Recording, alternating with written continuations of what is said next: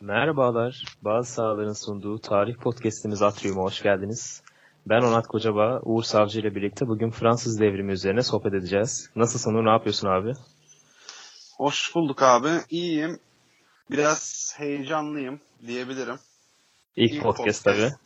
Tabii tabii. Yeni bir formatla da başlıyoruz bugün. Abi ben ben de biraz heyecanlıyım açıkçası. Yani ilk kez tarih üzerine bir e, kayıt yapacağım. Tarih konuşmayı seviyoruz ama ilk kez kendimi kayıt altına alacağım. Bakalım nasıl olacak. Bakalım. O zaman yavaştan devrimin sebepleriyle başlayalım mı? Ne, der, ne dersin? Başlayalım. Devrimin sebepleri hakkında bir iki kelam edelim. Ee, devrimin sebepleri aslında böyle bir iki tane sebebi yok. Ee, bir sürü alt sebebi var. Büyük sebepleri var, küçük sebepleri var. Ama sebeplerine gelmeden önce aslında biraz daha bir asır öncesine gitmemiz gerekiyor Fransız tarihinde. 14. yüzyıla kadar 14. E, Louis'e kadar gitmemiz gerekiyor 17. yüzyıla. 14. E, Louis döneminde Fransa e, tarihinin en zirveye çıktığı dönemini yaşıyor. 14. Louis döneminde gerek ekonomik gerek askeri, siyasi ve politik hamlelerle birlikte dünyanın zirvesine yerleşen bir Fransa görüyoruz. E, ama onun ardından e, 15. Louis döneminde ise e, yavaş yavaş bu bırakılan miras e, sönümlenmeye doğru gidiyor. E, öncesinde yaşanan bazı ekonomik krizler, Mississippi'de Amerika'da yaşanan krizler, Amerikan Bağımsızlık Savaşı ve e, İngiltere ile girilen koloniler gibi sebepler var. E, bu sebepleri incelemeye başlayayım ben yavaştan. Tabii. Kuzey, Amerika, Kuzey Amerika'da e, devrimden 10-15 sene önce bir 7 yıl savaşlarına giriyor e, Fransa. Bu 7 yıl savaşları sonucunda e, Kuzey Amerika'daki bütün kolonilerini kaybetmeye başlıyor İngiltere'ye ve e, en büyük sebebi olarak ben bunu görüyorum açıkçası. Çünkü ekonomi bir anda İngiltere'den e, yana kaymaya başlıyor ve İngiltere Fransa üzerinde büyük bir e, üstünlük kurmaya başlıyor. Onun ardından e, bağımsızlık savaşı veriliyor Kuzey Amerika'da. Amerikalı isyancılar e, İngiltere'ye karşı ayaklanıyor ve İngiltere'ye karşı Amerikalıların tek destekçisi Fransa. Ekonomik olarak e, askeri e, silah ve barut yardım alıyorlar e, Fransa'dan Amerikalılar ve böylece Fransa'da hazine yavaş yavaş artık e, iyice boşalmaya başlıyor ve bu iki madde aslında Fransa'nın sonunu getiriyor Amerika e, sonucunu çıkarmamızı bize yol açıyor gibi düşünüyorum. Ve bunun öncesine de gidersek biraz da alt sebeplere baş, e, alt sebeplerden bahsedeyim. E, 1720'li 1720'li yıllarda Mississippi'de Mississippi balonu olarak bilinen bir olay yaşanıyor. Nedir bu Mississippi balonu? Tarihle ilgilenen arkadaşlar bileceklerdir. Hollanda'da yaşanan lale balonunu tıpkı onun gibi e, New Orleans'ta, New Orleans bildiğiniz üzere Fransız Fransızların kurduğu bir e, yerleşim yeri. New Orleans'ta e, bu bazı bölgelerdeki arazilerin hisseleri borsada satışa çıkarılıyor. Ve bu borsada satışa çıkarılan hisseler e, üst ve alt kadem, e, katmanlardaki bütün e, insanlar tarafından alınıyor, alınıyor ve balon yavaş yavaş şişmeye başlıyor. Hisselerin değerleri arttıkça bazı spekülatörler e, bu balon e, balonun patlayacağını öne sürerek hisselerinden hisselerini satarak e, veriyorlar ve ardından balon patlıyor ve büyük bir ekonomik buhrana giriyor aslında Fransa ekonomisi. E, bunun sonucu olarak da halkta intihara kadar varan sonuçlar doğuruyor diyebiliriz. E, ve bu dibe vuran ekonominin e, getirisi olarak da aslında kırsaldaki buğday ve un üretimi de e, dibe vuruyor ve Fransız diyetinin belki de en önemli üyesi ekmek fiyatları zirveye çıkıyor. E, hani diyoruz ya işte Türkler aslında çok da ekmek tüketiyor ama bizden daha çok ekmek tüketen bir ülke daha var ve bunu da Fransa. Ek, ekmek için, ekmeğin onlar için e, olan öneminden bahsetmemize gerek bile yok.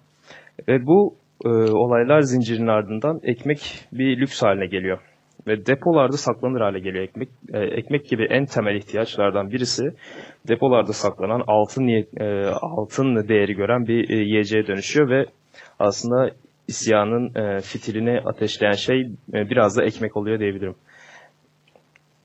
Ve ekmeğin fiyatının başının alıp gitmesinin üzerine o yıl bir de kışın çok sert geçmesi havaların çok soğuk, soğuk, soğuk olması e, hasat yapılamaz hale getiriyor tarımı ve insanlar fırınları yağmalayan yağmalar hale geliyorlar. Ekmek saklayanları öldürür hale geliyorlar ve bir anda e, isyan eder hale geliyorlar diyeyim ve sözü sana bırakayım. Peki o zamanlarda ki kralın halini ne olarak düşünüyorsun? Çünkü şu an bildiğimiz üzere kraldı, kral ve kraliçenin çok lüks harcamaları ve zevke düşkün olmaları yeni yeni vergiler eklemelerine işler ya. hale getiriyor. Buna ne diyorsun? O ya zaman şöyle, kral nasıl birisiydi? Aslında şöyle diyeyim ben sana. 14. Louis'den bahsettim ya podcast'ın başında abi. 14. Louis kendini halktan uzaklaştırmak için yani kendini halktan öyle üstün görüyor ki adam Paris'ten 20 kilometre uzağa bir kasabaya Versailles adındaki kasabaya tarihin gördüğü en büyük sarayı yapıyor. En büyük e, yapıyı yapıyor. E, orada altından kaplamalı duvarlar, koltuklar, sandalyeler her şey altından inanılmaz bir lüks hayat var. Ve 16. Louis döneminde tabii bu devam ediyor. E, kral ve kraliçeye karşı bu lüks yaşantılarından dolayı büyük bir nefret olduğunu söylemek çok mümkün. E, özellikle kraliçeye karşı inanılmaz bir nefret var. Öyle lüks yaşıyor ki hayatını kraliçenin lakabı bir yerde e, Madame Deficit yani Madame Bütçe Açığı diye anılmaya başlıyor. E, ve kral da yani 100 kişinin yiyeceği yemeği bir günde yer yer halde betimleniyor e, bazı tarih kitaplarında. Öyle bir dönem yani kral ve kraliçe açısından. Tabii siyasi olarak da bu onların durumunu güçle, güçleştiriyor. Aynen. Değil mi? Aynen yani tamamen nefret e, edilir hale geliyorlar ve sivil halk üzerinde de bir nefret oluşuyor. Tabii tabii. Ee, zaten aydınlanma çağı yaşıyor Fransa. Bazı e, yazar isimleri vereceğim şu an. Hepimizin kulağı aşinadır. Voltaire, Des Descartes, Jean-Jacques Rousseau, Montesquieu gibi yazar ve filozoflar var ve bu yazar ve filozoflar e, demokrasi ve çağdaşlaşma fikirleriyle e, devrim ateşini yakan insanlar oluyor bir yerde. Bu devrim öncesinde yaşıyor hepsi ama bu aydınlanma çağı yaşayan Fransa için e, bu devrimin önünü açan e, sebeplerden biri oluyor. Yavaştan devrime doğru mu geçsek ne dersin? Tabii devrime doğru geçelim. O konuda neler anlatacaksın?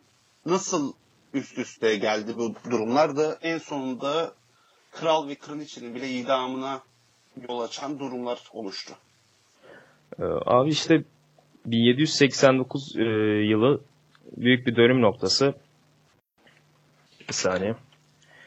Ee, şimdi ekonomideki kriz içinden çıkılmaz hale bir gelince kral diyor ki abi meclis toplayalım.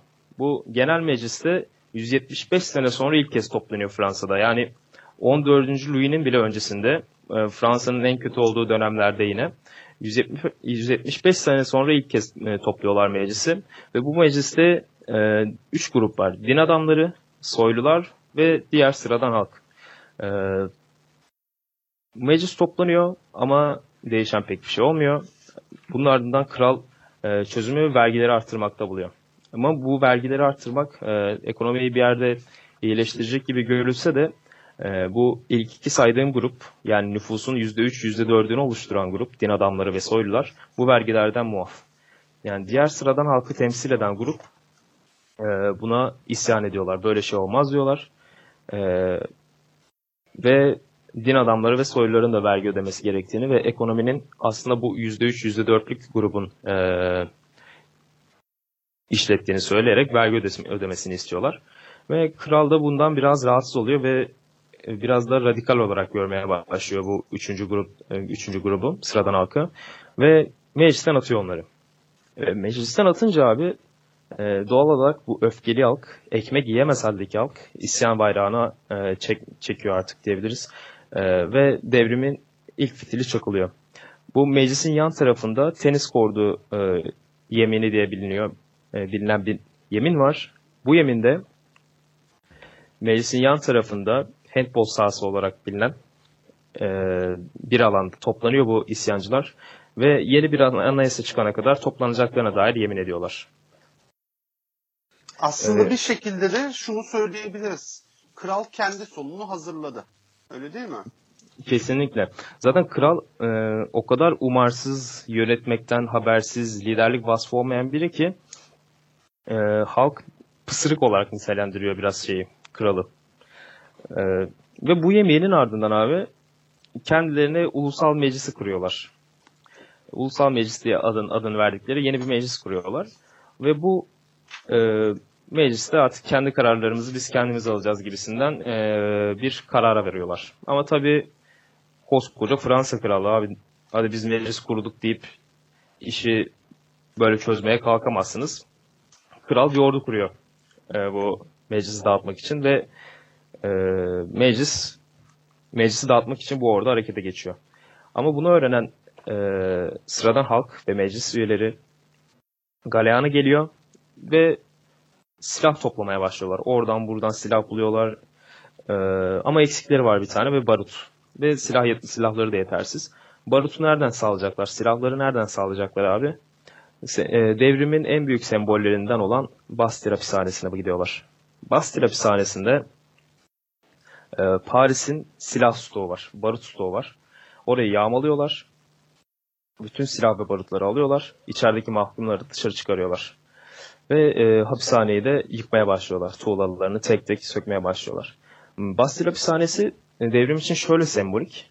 Bu hapishanede yıllar yılı, yani yüzyıllar boyunca en ağır işkenceler ve e, ağır cezalar veriliyor ve e, biraz da isyan ruhunu e, ateşleyen, körükleyen bir nokta o yüzden Bastille hapishanesi. E, ve halk toplanıyor. İsyan bayrağı artık orada açılıyor. E, kralın bunlardan hiçbir şekilde haberi yok. E, o, o gün sanırım Av Partisi'ne gitti diye bir yerde not okumuştum. Av Partisi yapıyor. Evet. Akşam akşam evine dönüyor ve yazdığı günlüğünde yazdığı o gün yazdığı şey bugün hiçbir şey olmadı. Artık hain olarak görülen kralın ardından Robespierre artık kontrolü tek başına ele alıyor. Ee, ve Robespierre e, kontrolü ele alınca görüyor ki bu halk kan istiyor. İnanılmaz derecede kana susamış. E, insanların kafasını kesen, kulaklarını kesen, organlarını, uzuvlarını kesen bir halk görüyor karşısında ve e, başta bunlara çok karşı aydınlanma hareketinin e, de getirdiği e, sonuçlar olarak bu idama ve ölüme karşı bir kişilik olarak e, karşısına çıkıyor Robespierre. Peki o zaman tam da burada idamlardan bahsettiğimiz zaman o meşhur giyotine geçelim. Ne dersin?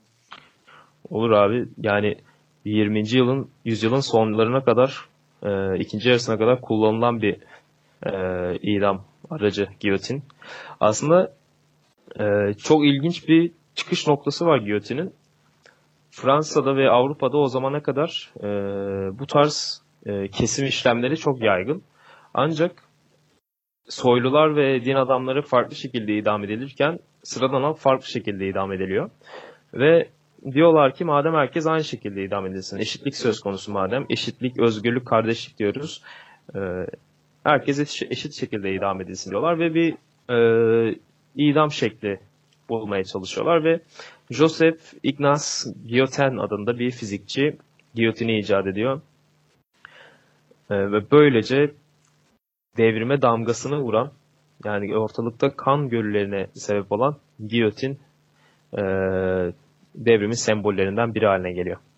Ve bildiğim, bununla bil, bildiğim kadarıyla da e, icat edilmesinin sebebi de en acısız yöntem olması o günlerde. Öyle değil mi? Ya, yani şöyle yani giyotin kullanıp hiç acımıyor diyen duymadım daha şu ana kadar. Ama e, acımadığı söyleniyor yani kimsenin deneyip onaylamadığı bir şey ama 0.005 saniye tarzı bilgiye ulaştım ben de ne kadar doğrudur tabi. Ya tartışılır Onu abi. Ama.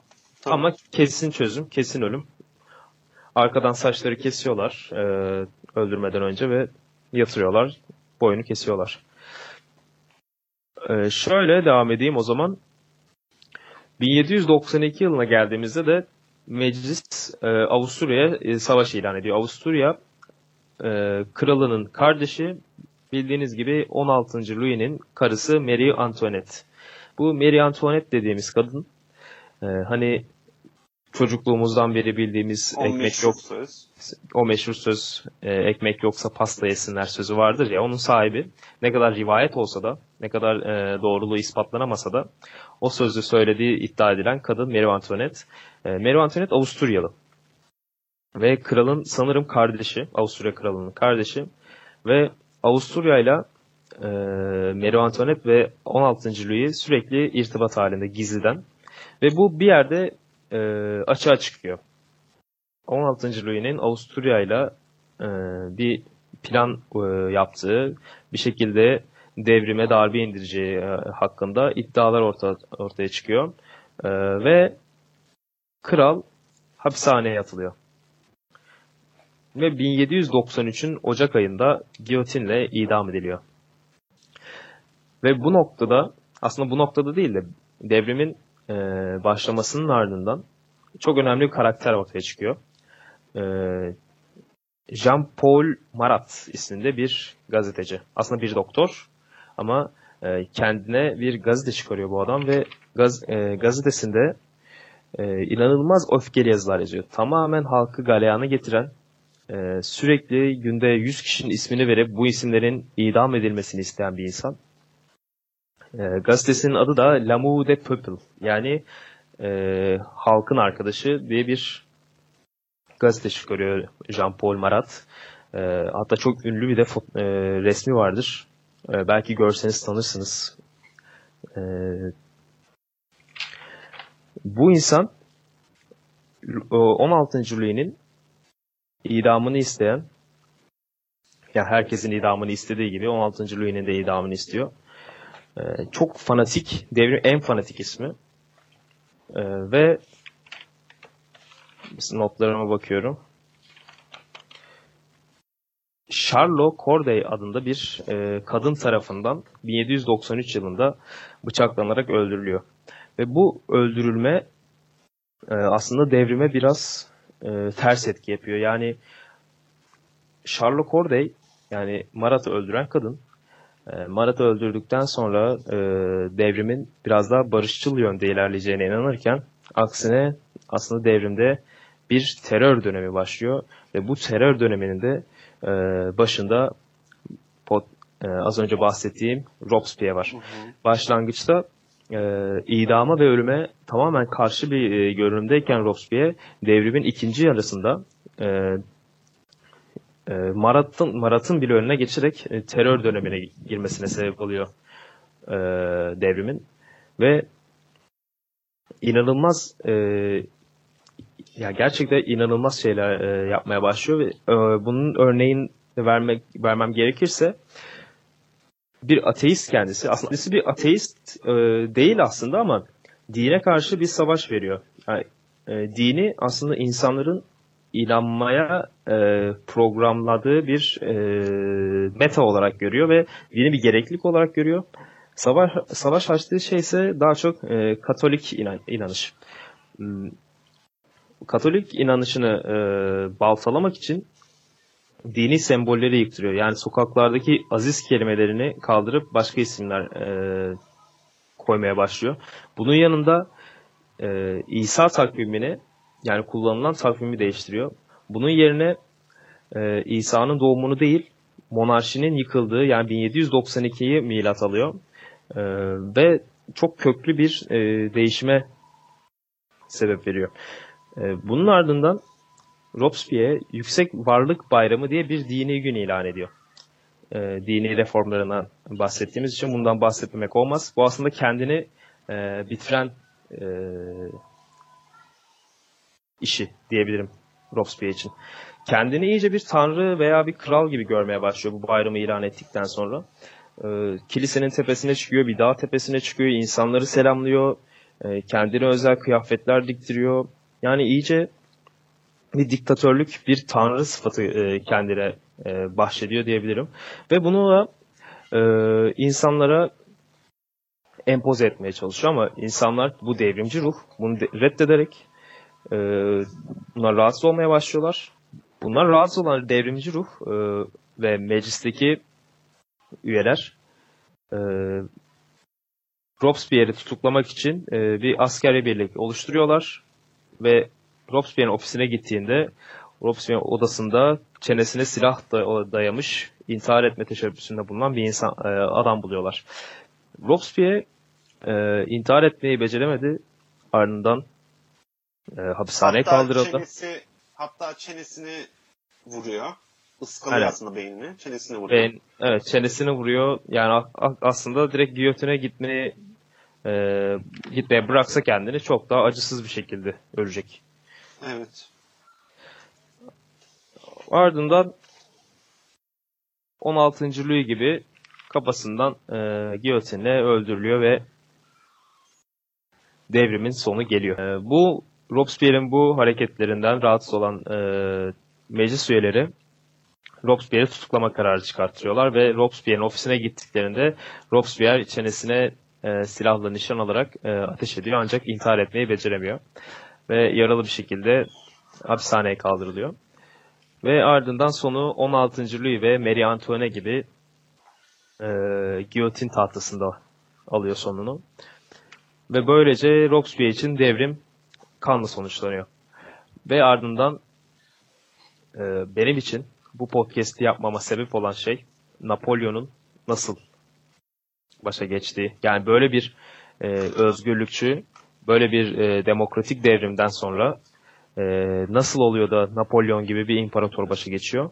Ben bu soruyu merak ettiğim için Fransız ihtilali ile ilgili podcast yapmak istedim ve bu sorunun cevabını da şöyle veriyorum kendime. Napolyon e, devrim döneminde Avusturya ve İngiltere karşı e, dışarıda savaşan e, Fransa'da bir general, çok genç 30, e, 20'li yaşlarında bir general ve bu e, ve bu general Napolyon e, cephede çok üstün e, zaferler elde ediyor ve Fransa'yı gerçekten bir umut oluyor. E, ve e, daha 28 yaşında Tuğ generalliğe kadar ulaşan bir insandan bahsediyoruz.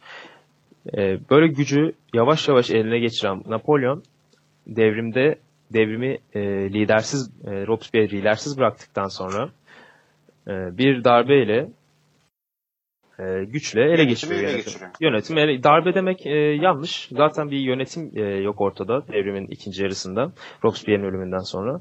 E, yönetimi ele geçiriyor ve e, kendini de Fransa'nın başı ilan ediyor. İmparatoru ilan ediyor. Böyle de e, Fransız devrimini kendimce özetlemeye çalıştım. Umarım özetleyebilmişimdir. Çok güzel oldu. O zaman burada bitirelim. Evet bitirelim olur. Gelecek Evet. haftaya, gelecek haftaya da yeni konuyla devam ederiz. Hatta Aynen, konu- belki de Napolyon'la devam edebiliriz mesela. Bakalım yani şu an Napolyon dönemiyle ilgili çok e, bir veriye sahip değilim ama araştırmalarım sonucu belki bir iki hafta sonra tekrar deneriz. Haftaya yeni Tabii. bir konu, konu belirleyeceğiz. On, e, haftaya tekrar görüşürüz o zaman. Görüşürüz. Hoşça kalın. Hoşçakalın.